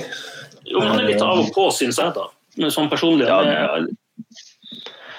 Det synes jeg men, men når, du, når, du, deg altså, de kommer Erling må jo sagt de skal spille 3-4-3, eh, de også. Uh, og, og, sentralt på midtbanen så er det jo bare plass til, til to spillere. Uh, så det er liksom, Er det Ulland Andersen og Wolf Eikrem? Er det Ulland Andersen og, og Hussein? Er det Ulland Andersen eller uh, Mansverk? Altså, altså, det, du kan godt si at de har bra bredde i stallen, men det, det er jo bare to av dem som kan spille samtidig. Og, og, det er mange her som hadde, hadde eh, forsvart en plass i de fleste andre eh, stallene eh, til, eh, til laget i Eliteserien. Og, og, Hva betyr det for humøret og trivselen innad i gruppa hvis det begynner å gnage litt på, på spilletida hos enkelte? Ja, men det har jo alltid vært et problem i Molde. ikke sant? Altså, de, de, to lagene her som Molde kan stille, det er jo egentlig topp fire-kandidater, begge lagene. Det er, det er, sånn som man sier det, hvis de hadde fått spilt seg sammen. Så, så, så det, det, er faktisk imponerende bredde i den troppen. Men akkurat på Wolf Eikrem så har han blitt brukt som falsk nier nå i treningskampene. I, eh, når Fofana ikke har spilt. Og det har visst vært en ganske OK eh, Eh, greie for dem. Så, så, og så har det ikke vært noen skade på han, sånn som jeg klarer å se det på i, i, vinter. Men det, det, det får vi se på. ikke sant? Altså, han begynner jo også å dra på årene. Hva, hva er Wolf Eikrem? Hvor gammel er han egentlig nå? Han er født i 1990, ja. Han er jo eh, Blir 32 i år, da. Ja. Ikke Men, men, ja, han, han, han, er, han, kan jo fint brukes som en falsk nier i den offensive delen. Ja. Men jeg ser jo ikke for meg det at han er en kjempegod førsteforsvarer hvis Molde møter bedre motstand. ikke sant? Og det er litt sånn, sånn som jeg ser på Molde sin stats, så er det det at de leverer ofte veldig solid, eh, men så går de av og til på noen, noen sånn tap som, eh, som man rett og slett må unngå for å bli mester. Ja, og det, det tapet kom jo f.eks. da generalprøven mot, eh, eh, mot eh, Ålesund. De tatt 4-2. Og, eh, men ellers så har det vært eh, ganske OK resultater. Vi kan jo ta dem da, siden jeg har begynt med det. Eh, februar så har de spilt mot Hamarby, og der vant de 3-1. Rostov tapte 2-0. Og så Lokomotiv Moskva, der har de vunnet 3-0. Og så er det HamKam. Der har de fleska til. Der fleska de til 1.3 med 5-0. Og, og, så hadde de jo denne treningskampen mot Ålesund, da, der hvor Ålesund lå, lå helt ute. Det var tre omganger og vant 6-1.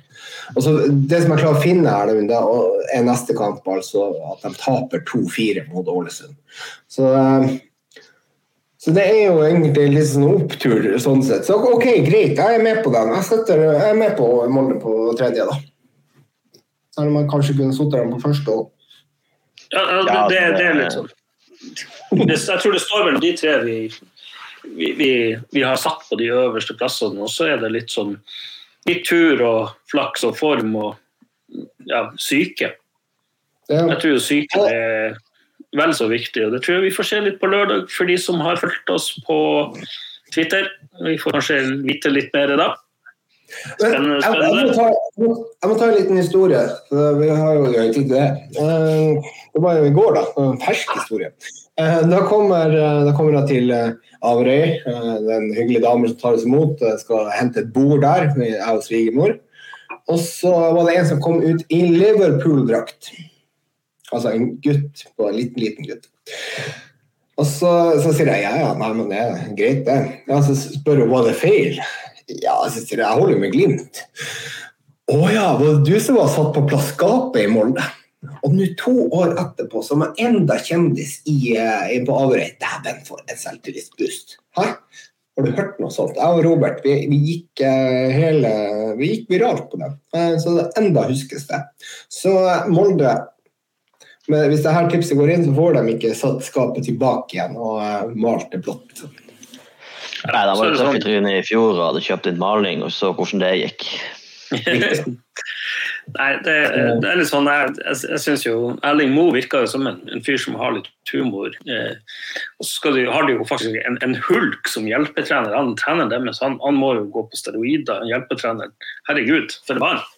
Må jo Altså, han, Erling var jo, var jo, ikke sant, altså, I den, i den settinga med det skapet, så venta Robert på at Erling skulle komme. For han, Ørjan Nygaard kom først, og så sa han vent til han Erling kommer, han kommer til å digge det her. Og Erling flirte jo av det her, han syntes det var kjempegøy. Vi tok jo bilde med han og alt mulig. Så, så, Erling har jo litt lun humor der. Han, uh, så, så det, det, det, gikk helt fint. Men, men, så er det jo det at i Molde, det må vi ta opp, der er jo så lavere interesse når den skal fylle opp denne stadion sin. Altså, Nå har vi jo litt problemer i Bodø òg, men i Molde syns jeg det er enda verre. Altså, du har, du har en god stadion, du har tak, du har alt. Og så kommer de ikke. Vi gjemmer oss litt bak i Bodø at det er blåst og stygt ja, men at de, de, er litt bortskjemt, det virker jo sånn. og det er jo, De har kanskje bygd en stor stadion, ikke vet jeg, men, men det er en oppfordring til folk er å komme seg på stadion. Ja. Og, og det, det har, den, den, glemte jeg å ta innledningsvis, for den, jeg syns vi skal ta den. Jeg syns det Glimt har gjort nå, er helt fantastisk. De, de, de, har sagt at nei, vi har 19, 1916 billetter, 1916 billetter ekstra til Roma. Men det blir lagt ut til de som møter opp på Rosenborg-kampen. De skulle ha sagt det. Ja, ja det har sagt det. Du får kjørt det der. Og, det er fantastisk. Men jeg, jeg skulle jo sagt Men du hva? Dere må faktisk betale for å komme og se Jerv også, sånn at det er liksom ikke bare de to toppkampene. For jeg vil, som jeg sa det i forrige pod, jeg sier det igjen, jeg vil se et fullt Aspmyr. Jeg vil høre ja. berørt. Ja, jeg, jeg, vil, jeg, vil, også se et fullt Lerkendal, jeg vil se et fullt, en full Molde stadion, eller hva det heter, eh, Aker Arena. Jeg vil se en full eh, Alle stadion. Full Alfheim. Jeg vil se alt. Så jeg vil se alt fullt, og det, det, må vi prøve å jobbe for. Ja, altså, og de som har... er jo best live og best ja. på stadion. Altså, det er en helt annen opplevelse. Så jeg har vurdert faktisk å kjøpe meg sesongkort her i Tromsdalen, bare for å de, de gangene Tromsdalen ikke spiller samtidig som Glimt, så kan jeg jo se, se det nest beste laget i Nord-Norge på, på, stadion. Ja, ja det syns jeg. Det, det bør vi gjøre. Støtt laget og kjøpe litt vassende pølser og sånne ting. Og så eh, holdt på å si, den Pølsebuljongen fra 1983 den står fortsatt på kok i, på Aspmyra under, under Sparebanken. Det er jo, det er jo god, god sang der. Pølsevann, pølsevann, rett i koppen. Den, eh, for å si det sånn, det er kebab til 80 kroner. Det, det gir samme effekt. Ja, men altså, da jeg syns det er litt mer, litt, mer, litt mer eksotisk med Percival. Ja. Så, men, eh, Nei, men vi hopper, hopper opp vi hopper opp til si, Nå har vi vært gjennom de som vant bronse, nå til de som vi tror kommer til å tape gullet. Yes, og det Andreplassen. Med, med Viking. Viking. Ja da. Hvis, hvis vi beholder Berisha, så tar vi sølvet. Men de har mista, mista han, han godeste Nå husker jeg ikke hva han het. Nei, nå ble det Arendal igjen. Ut til Eh, fryktelig mye optimisme. Fryktelig mye optimisme. Fryktelig mye konspirasjoner og fryktelig selvgodhet på egen supporter eh, sånn, på å si, kultur. Få det vekk. Dere, altså, dere gjør mye bra i Stavanger, men ja, konspirasjonsteorier, det er sånn legg det bort. Legg det bort. Det er ikke sånn at eh, Kjetil Knutsen har lasersyn. Dere gjør ufattelig mye bra for å trekke folk på stadion. og vi har gitt dere skryt for det. og det, det er sånn, Vi ser det. Dere blir anerkjent. Men selvskryt er, ja, det er ofte veldig ærlig, men det vi kan bli kvalmt hvis dere fortsetter med det. Men det gjøres mye rett i Stavanger gjøres fryktelig mye rett også for å dra folk på stadion. Og det gjøres fryktelig mye rett på banen. Og vi tror at en sølvplass til Viking det er et hakk opp fra i fjor. Vi tror at de kommer der. De ser gode ut. Ja, men altså, snart, der, er jo, der er jo et lite sånn Joe Bell røyker ut der. Og, og, og, så var det vel inn han Det er sønnen til Solbakken, Ståle ja, han har sett veldig bra ut i de kampene jeg har sett av Markus. Ja. Eh, er det, er det en fullgod erstatter for Eller altså Kan, kan han, kan han eh, erstatte Joe Bell? Altså, jeg tror jo Det er jo litt, litt forskjellige typer midtbanespillere, da. Eh, Joe Bell kanskje litt mer, litt mer dypliggende, mens jeg syns det jeg har sett av Markus Solbakken så langt i vinter, at han er litt mer bevegelig, med opp eh, rundt boks og slår, slår de boksåpnerpasningene inn til, til spissene. Og så har de jo også henta Og så har vi også henta Niklas eh, Sandberg fra Haugesund. Ja, den er jo litt spennende. Den også, ja. Vi har ikke lov å si spennende, vi kan si interessant. Beklager. Jeg kan ikke klippe bort det, for det var ikke bra. Skal ikke si det. Jeg vil si, si Joe Bell. Eh, det ble snakka mye om Joe Bell i fjor, og jeg må jo si det at jeg, jeg lot meg ikke begeistre sånn så mye, fryktelig mye for han. Eh, jeg syns det gikk for tregt, rett og slett.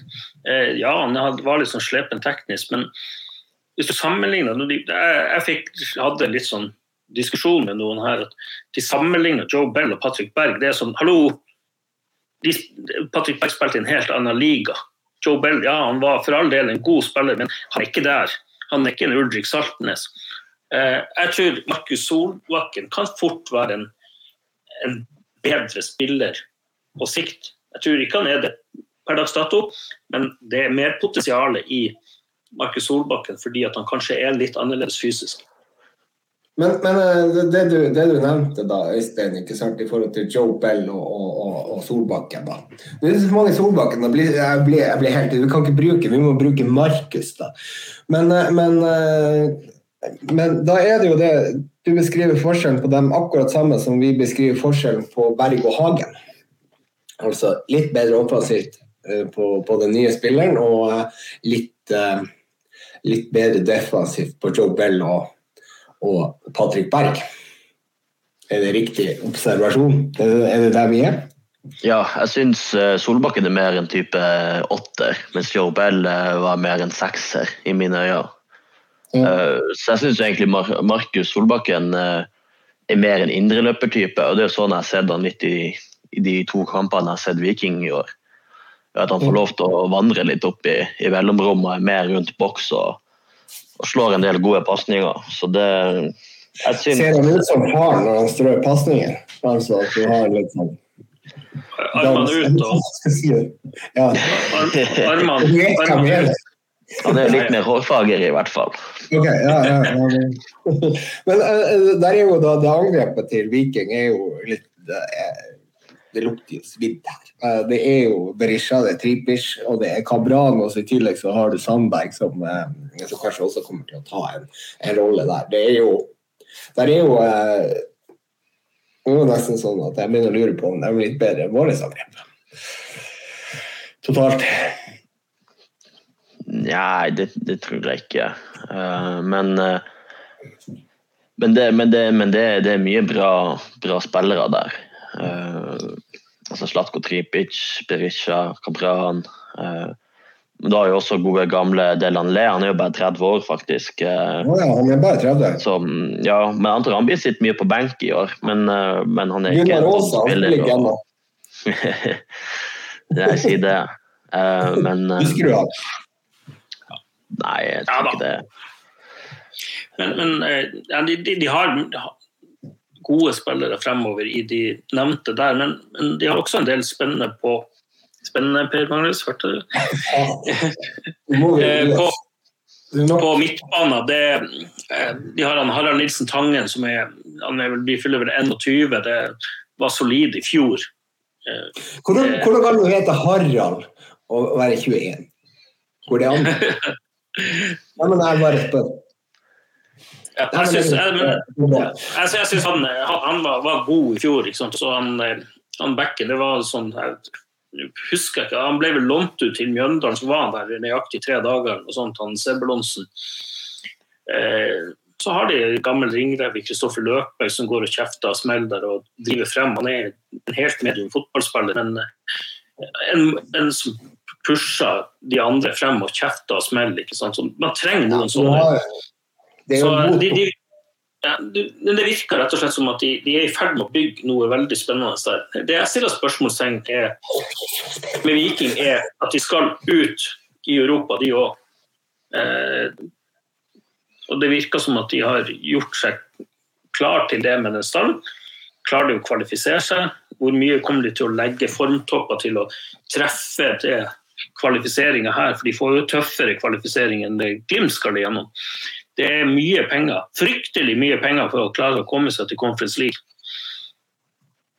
Og så er det jo veldig spennende Per Magnus. Ja. bevisst at vi skal møte dem. Vi skal møte dem i semifinalen i cupen. Og så går det bare noen dager, så skal vi bort og møte dem på holdt på å si Jåttåvågen stadion. Det er jo grusomt. Det er ikke spennende, det er jo grusomt, faktisk. Det, det, det her var jo Men altså, vi skal jo spille hjemme den cupfinalen. Vi har ikke tapt mot dem på, siden 2016. Vi var vel kanskje der. Nei, det var, var det da, eller var det 2015 vi var der? Det var 2015 året etter, eh, sist gang vi tapte mot Viking. Nå var jo de riktignok nede i Obos. Jeg kan huske at vi har tapt 6-0 i cupen på Stavanger eller på, på det her eh, nye gresset. Men det var vi var, eller på nye stadion da vi var i Obos. Det var, det var ikke så gøy. Ja, men vi har, eh, vi har ikke tapt det på over 2000 dager. Så jeg, jeg, jeg frykter ikke Viking. Det gjør jeg ikke. Nei. Nå står det jo faktisk ikke noe de, de ønsker å holde treningskampene litt skjult på hjemmesida eh, Viking. Så det farter De har vært og spilt noen turnering borte i USA der, så det Jeg vet ikke, litt så som så motstand, sikkert, men eh, Ja. Da har de vel hatt med han Bjøre Haaland nå, da? En gang når jeg var over for å se på USA Vi tok en bil til Nashville og Da tok vi fram gitaren. Ja, det er en god låt. Eh, og Bjøro er jo faktisk fra Stavanger, er han ikke det? Nei, han er vel sørlending, ikke han det? Jeg vet ikke, men de har jo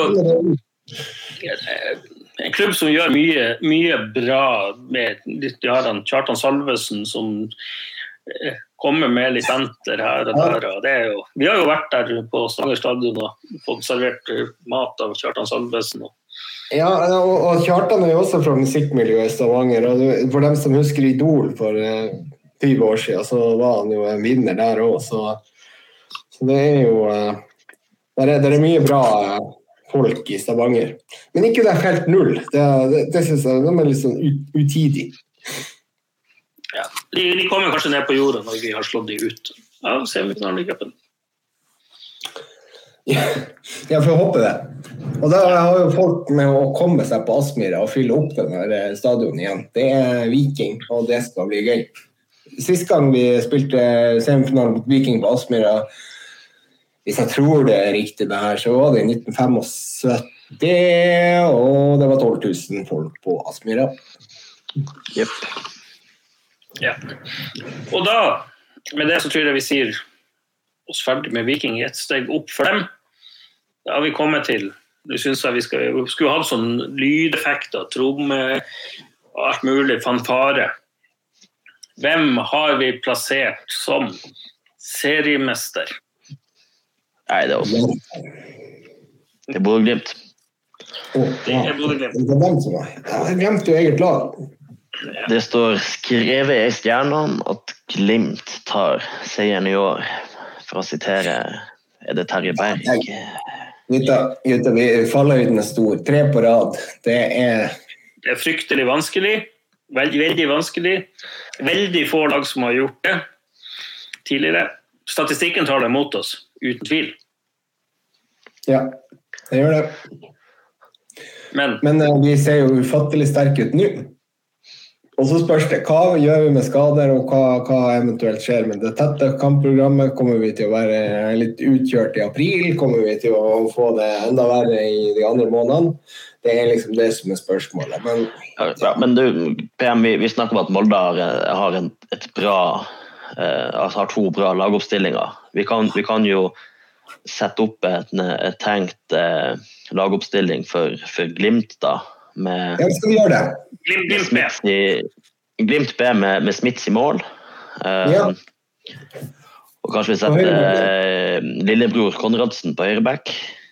Ja, og så Jeff som stopper med Jeff Ja, men, men, jeg lurer på Nei, vent, vi kan, Jeff er såpass rask, kanskje vi skal ha Jeff på høyrebacken. Og så spiller vi med Helstad Amundsen og Kvile som stoppere. Og så setter vi lillebror Konradsen på venstrebacken. Høres ikke ueffent ut. Og så har vi eh, Anders Ågnes Konradsen, Gaute Vetti og eh, Sondre Brudstad Fete på midtbanen. Den er ikke dum.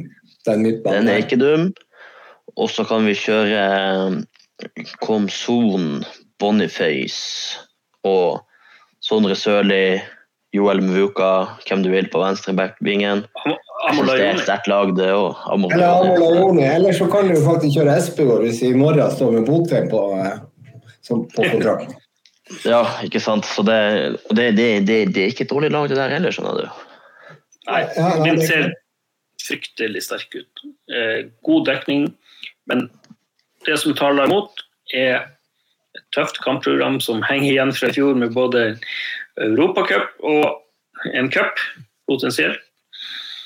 Eh, mye kamper i april. Det kan bli tøft. Hvordan har de klart å toppe formen? Hvordan skal de klare den europakvalifiseringa og klare å få Champions League til Aspmyra? Hvordan skal de toppe formen inn mot de kvalifiseringskampene. For det er litt underkommunisert at etter Sandefjord i fjor så sa Patrick Berg at de var helt tom fordi at de hadde trent vanvittig tøft dagene før. Han følte at Sandefjord begynte å springe fra dem. Og Da toppa de formen. Eh, så hadde de mye skader som de var litt uheldige med. og det der. Men formen var på topp fra ja, si, august og utover. Og vi har jo ikke tapt hjemme i hjemlig serie siden Sandefjord. Ja, vi har snart, men... snart et år siden sist Glimt tapte. Ja, det var vel ikke tapt i det hele tatt. Vi har vel ikke tapt i det hele tatt etter uh, den bortekampen mot Pristina. Pristina der, ja. Så det er jo noen og 30 kamper tellende som vi har tappet i det hele tatt. Uh, og ja, man kan, man kan si vi, tappte, vi, vi, kan, vi, kan, si at vi tapte borte mot Aset, men vi gikk jo videre, så det teller ikke. Nei, men drit nå i den, da. men allikevel så er det jo det at, eh, at uh, har Glimt grunnlag nok til å stå gjennom en sesong med det treningsgrunnlaget som vi ikke har fått på den måten i og med at du har spilt kamper. Har det vært godt nok, Øystein? Det her er jo ditt felt. Hvordan er det egentlig den fysiske formen til gutta nå kontra i fjor? I forhold til grunnlaget som du skal ha før sesongstart? Altså det, det, er vanskelig å si. Det er, jo, det er en større belastning å spille kamper enn det er å og trene. Uh, på, men, kropp, ja. på kropp, på kropp. Ja, på kropp. Men, men, men, jeg syns jo kanskje, det, det, tror jeg er litt underkommunisert, den viktigste signeringa for min del Glimt har gjort i år, det er at vi henter Arjan Nygaard tilbake igjen som fysisk trener. Og Arjan Nygaard som i 2016-2017 begynte å legge opp eh, det treningsregimet vi har i Glimt i dag, da økte man eh, antall høyintensitets eh, altså antall meter med høyintensitet med 25 mm. Og da halve laget måtte opereres for grillmålsgroin, eller hva det heter, fordi vi, vi, ikke takla den intensiteten. Men, men, så har man bygd seg opp en både erfaring av spillerne som er her, har vært lenge her og vært robuste, og man har lært seg hvordan man skal dra spillere inn, inn i det treningsregimet til Glimt. Og, og, at han er tilbake igjen i, i Bodø-Glimt, det er en enorm forsterkning. Eh, og ditto svekkelse av, av Molde kan ha vært de siste årene.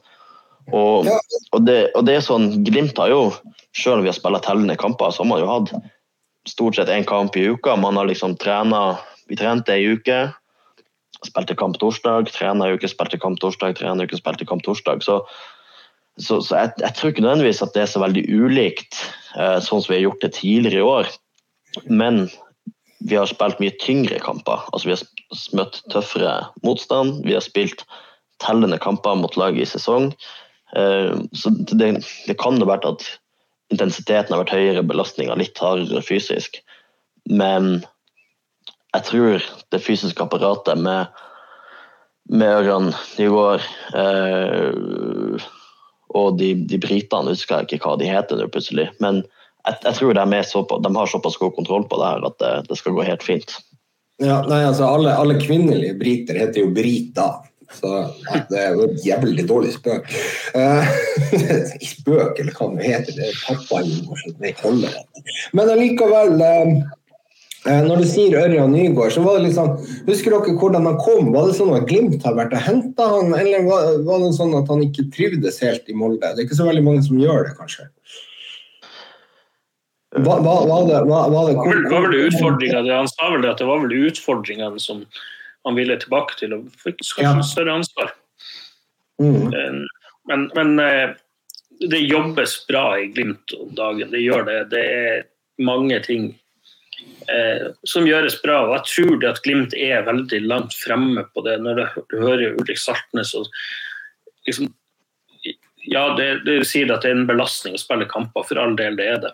Men det er jo ingenting som er bedre for en fotballspiller enn å spille mange kamper eh, og kan restituere imellom å drive og trene med å spille kamp én gang i uka, som Rosenborg skal gjøre i år, det kan bli tøft for motivasjonen og tøft hvis sånn bred stall som det Molde har hvis de ikke klarer å kvalifisere seg til Europa. Glimt måtte ha hele stallen i fjor, og den var ikke så mm. veldig stor. Eh, men, men eh, de har en, en, sterkere stall enn det de hadde i fjor. og jeg, jeg må si at jeg er blitt imponert over hvordan Glimt har fremstått. Eh, det, det som Jørn sa det fint når, etter Lillestrøm, at det her var en kamp som når Lillestrøm skåra, så satt man med som forventning at ja, ja, vi tar dette. Den følelsen hadde jeg ikke i fjor, den hadde man i hele 2020. Eh, og det er sånn, ja, Våren 2019 så var det også sånn, men så da forsvant jo han der berømte Amor Jonas Lajoni. Og da ble det litt stakkato. Men jeg sitter med en god følelse, og det, det er etter det vi har sett. Jeg tror Espejord er en Knutsen-signering. Jeg tror det er drømmesigneringa for han. Spiller med det potensialet. Eh, som ikke han, han, det, som, det her tror jeg kommer til å bli sånn match. Du får en spiller som har noe å bevise. Du har en trener som har trua på han. Og han har en fysikk som hvis vi får den i orden, så har han noen X-faktorer som jeg tror kommer til å bøtte inn mål. I tillegg har du Boniface der som er tilbake fra i fjor. Det er Sondre Sørli tilbake. Det, er, det, ser bra ut. Ja, vi har mista mange. Store usikkerhetstegn. Men samtidig, du kan hente en Gaute Vetti som Jeg tror alle lag i Eliteserien hadde tatt en Gaute Vetti sentralt. Jeg tror han er bedre enn Tobias Børkeie. Men det, det, er jo litt av poenget her. ikke sant? Altså Det som du sier nå, at det den bredden. For det, Den hadde vi ikke i fjor. Allikevel vant vi seriegull og, og, og, gjorde det jækla bra i Conference League. Så, så, den stallen, når vi eventuelt er ute av Conference League, så kan vi jo få brukt i, de spillerne i alle kampene. Eh, så, så den bredden, det er den som kanskje er den sterkeste delen i forhold til i fjor.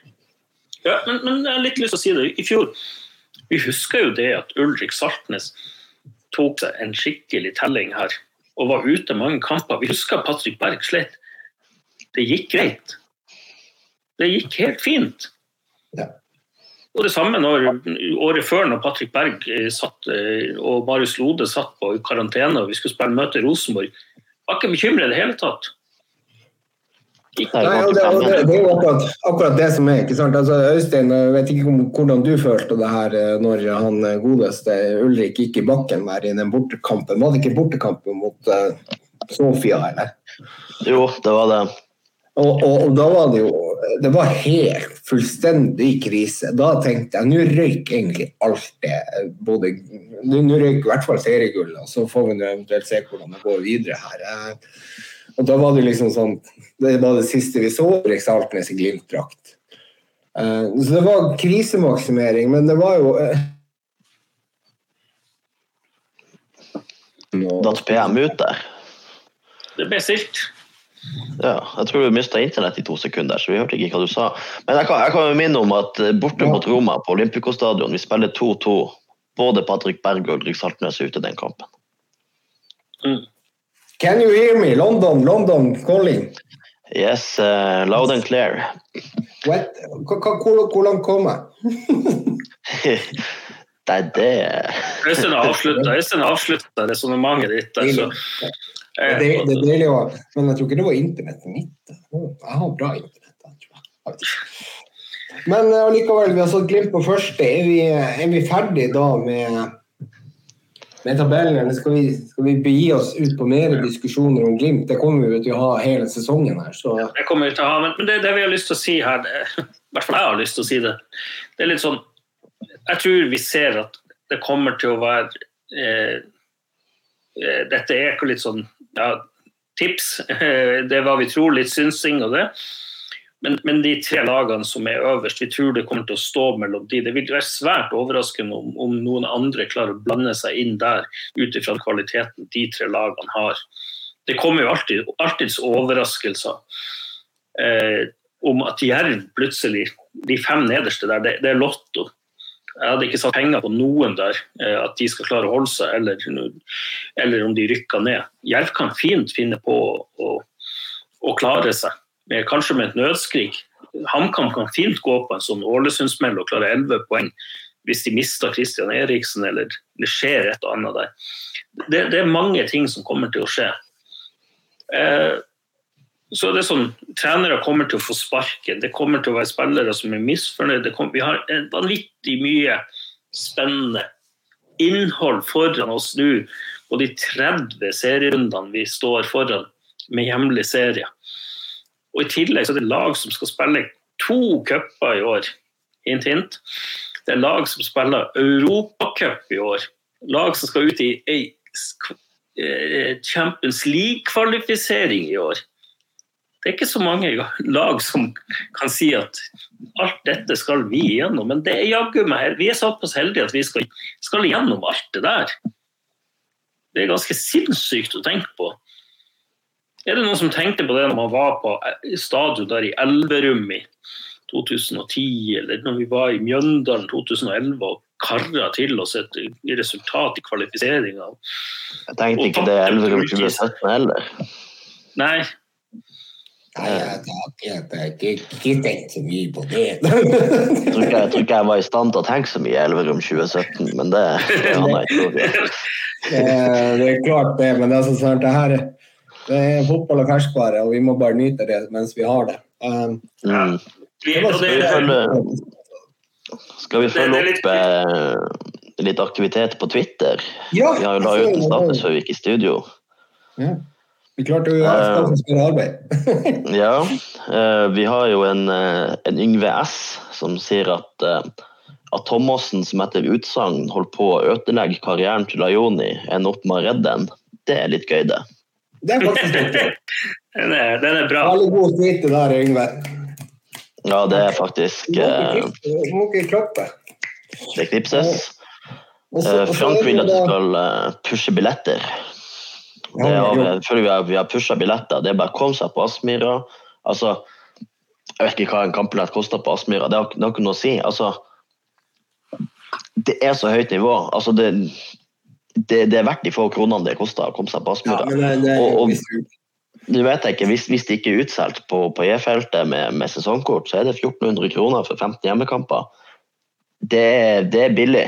Det, det, er en pils i altså det, det, det det er en tur på byen, liksom, så, har du bare, så har du det sesongkortet. Det er ikke noe å tenke på. Ja, det, det, er bare, det er bare å kjøpe. Ja. Altså, da, men, men han, han, har jo her han har satt opp en oversikt, jeg vet ikke hvor, hvor mye det stemmer nå. Det er 134 ledige seter igjen inne. Stemmer det? Um, på C-feltet, ja. Det er bortefeltet. Uh, men, men, så lurer jeg på om det er eh, det, det feltet Det, det er noe nye felt som ble åpna for salg i dag, så jeg er ikke helt ja. med der. Men uh, det er jo klart da at Glimt gikk ut og sa at har du, er du på kampen mot Rosenborg, så har du gode sannsynligheter for å komme deg til kamp mot Roma. Det gjorde nok at eh, billettene på de feltene hvor det var ledig, de gikk ut som varmt hvetebrød. Har de, har de hørt på Andreas Tymi? For jeg så han kom ut med den tweeten i dag. Det, det, kan godt hende at jeg har hørt på Andreas. Ja, Andreas Tymer, igjen får han skryt i podkasten. det er litt overraska meg sjøl, men bra, Andreas Tymer. Knipse for Tymi. Og så og, Ja. Frank igjen, da. Og det her er, her er jo litt. Hvem i Glimt øye ville vunnet naken uh, gjørmebryting? Da gjør han jo ikke med nå i dag. Jeg holder knapp på Parelius. Jeg tror jeg, Vi kan si så mye at jeg tror jeg, jeg er den minste i, i høyde her i Så jeg tror jeg stiller svakt. Ja, men du er litt sterk, du. Det, men jeg er veldig skeptisk til det her nakenopplegget. Så jeg tror jeg nesten sånn walkover eh, her. Tar, tar, tar, det man får i det man har. Tar du det på walkover, Øystein? Ja, ja, ja. Det, altså, om, jeg, om man må ta det på walkover, så tar jeg det på walkover. Det er ikke noe Jeg fikk sånn stygge bilder i hodet mitt at gjørmebryting med, med Bjørn Einar og Parelis det er ikke noe som jeg har lyst til å være med på. Det, det, er kun på sånne østtyske nettsider. Det... Men går det an at vi alle tre Da, da, da, da blir det alle tre ja, østtyske nettsider. ja. ja. men uh, jeg tror du vinner den uansett.